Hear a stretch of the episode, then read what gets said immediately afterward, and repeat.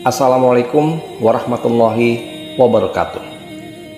Sebagian orang menjadikan harta dan kekayaan yang dimiliki sebagai standar kebahagiaan hidup. Baru merasa tenang dan bahagia ketika bisa hidup dengan serba berkecukupan dengan harta yang melimpah. Hidup terjamin dengan rezeki berupa harta yang senantiasa mengalir tiada henti. Padahal ilmu itu kekayaan yang sesungguhnya. Bahkan ilmu itu lebih baik, lebih berharga, dan lebih mahal daripada harta.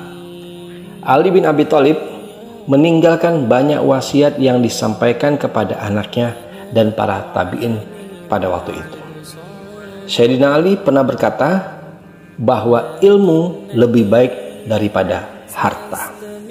Wasiat tersebut ia sampaikan kepada Kumail bin Ziyad.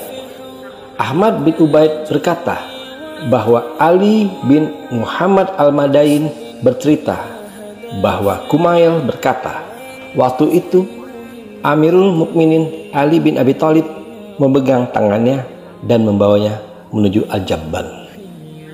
Kemudian saat malam tiba, Sayyidina Ali berkata kepadanya, Wahai Kumail bin Ziyad, hati ini laksana bejana dan hati yang paling baik adalah yang paling bisa menampung isi. Kemudian berpesan, manusia ada tiga macam. Seorang alim yang robani, seorang yang belajar karena mengharapkan keselamatan, dan orang yang tidak mendapatkan pelajaran yang berperilaku seperti binatang, yang mengikuti setiap ajakan orang dan berubah-ubah sikapnya sesuai arah mata angin. Mereka tidak mendapatkan pencerahan dengan cahaya ilmu pengetahuan dan mereka tidak berlindung ke tempat berlindung yang kokoh. Setelah itu, Sayyidina Ali berkata lagi kepada Kumail, Hai Kumail bin Ziyad, ilmu lebih baik dari harta, karena ilmu akan menjagamu, sementara harta harus engkau jaga. Demikian juga, harta akan berkurang dengan diberikan kepada orang lain, sementara ilmu semakin kuat dengan diberikan kepada orang lain, dan ilmu adalah yang berkuasa, sementara harta adalah yang dikuasai. Sayyidina Ali melanjutkan, para penimbun harta adalah orang yang mati saat mereka masih hidup.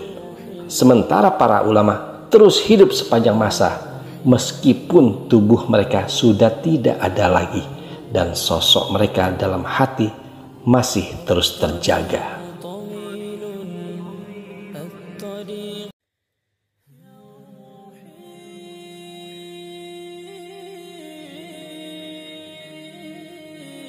Kemudian Sayyidina Ali mengatakan, banyak orang berpemahaman tidak sempurna. Mereka menggunakan agama untuk kepentingannya. Memamerkan nikmat-nikmat Allah kepada hamba-hambanya dan dengan hujah-hujahnya atas kitab sucinya atau tidak memiliki pandangan matahari yang benar dalam menghidupkan kebenaran itu. Banyak orang yang tenggelam dalam kelezatan sehingga ia mudah tergincir untuk mengikuti syahwat atau tertipu untuk mengumpulkan harta dan menyimpannya. Orang-orang itu, kata Sayyidina Ali, bukanlah orang yang mengajarkan agama, tetapi dia lebih mirip hewan yang gemuk. Seperti itulah ilmu mati bersama kematian orang yang memilikinya. Sayyidina Ali kemudian mengatakan, meski demikian tetap ada orang-orang yang menjalankan hujah Allah. Terkadang dia berasal dari kalangan orang terkenal dan terkadang dia merupakan orang yang biasa saja. Mereka jumlahnya sedikit namun memiliki kedudukan mulia di sisi Allah. Mereka menjaga hujahnya dan menyampaikan hujah itu kepada orang yang memperkarakannya sehingga ilmu menguasai akan keadaan. Orang-orang yang dimaksud oleh Sayyidina Ali adalah khalifah-khalifah Allah di buminya dan orang-orang yang menjadi dai untuk menyebarkan agamanya. Ilmu itu lebih baik daripada harta. Satu, ilmu itu menjagamu, sedangkan harta itu dijaga olehmu. Kedua, ilmu bertambah dengan diamalkan, sedangkan harta berkurang setiap kali diinfakkan atau dikeluarkan. Ketiga, ilmu itu menjadi hakim yang memberikan hukum, sedangkan harta itu menjadi objek hukum atau terkena hukum. Keempat, mencintai orang yang berilmu atau ulama bagian dari agama. Cinta yang mendekatkan diri kepada Allah. Lima, ilmu menjadikan orang yang memilikinya menjadi seorang yang ditaati semasa hidupnya dan disebut dengan kebaikan setelah matinya.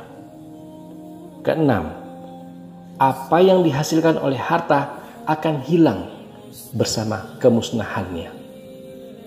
Tujuh, orang yang menumpuk harta nama mereka mati sedang dalam keadaan hidup jasadnya. Dan para ulama akan tetap ada selamanya. Jasad mereka musnah, tapi sifat-sifat teladan mereka hidup di dalam hati-hati manusia.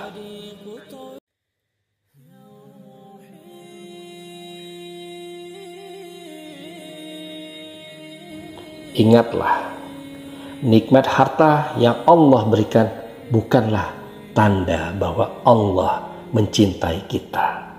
Karena nikmat berupa harta tersebut juga Allah berikan kepada hamba-hambanya yang musyrik dan kafir. Bahkan bisa jadi orang-orang kafir itu lebih banyak hartanya daripada kita. Oleh karena itu, Ibnu Qayyim Al-Zauziyah menyebut nikmat harta ini sebagai suatu kenikmatan yang sifatnya nisbi atau relatif semata, tidak mutlak. Karena nikmat ini hanya sebatas dan terbatas di dunia, tidak di akhirat. Demikian pula nikmat-nikmat lain seperti badan yang sehat, kedudukan yang tinggi di dunia, banyaknya anak, dan istri yang cantik. Bahkan sebaliknya, bisa jadi kenikmatan berupa harta ini adalah bentuk istiqroj atau hukuman dari sisi yang tidak kita sadari dari Allah sehingga manusia semakin tersesat dan semakin menjauh dari jalannya yang lurus atau bisa jadi merupakan bentuk ujian dari Allah kepada manusia. Wallahu alam bisawab. Semoga bermanfaat. Wabillahi taufik wal hidayah. Wassalamualaikum warahmatullahi wabarakatuh.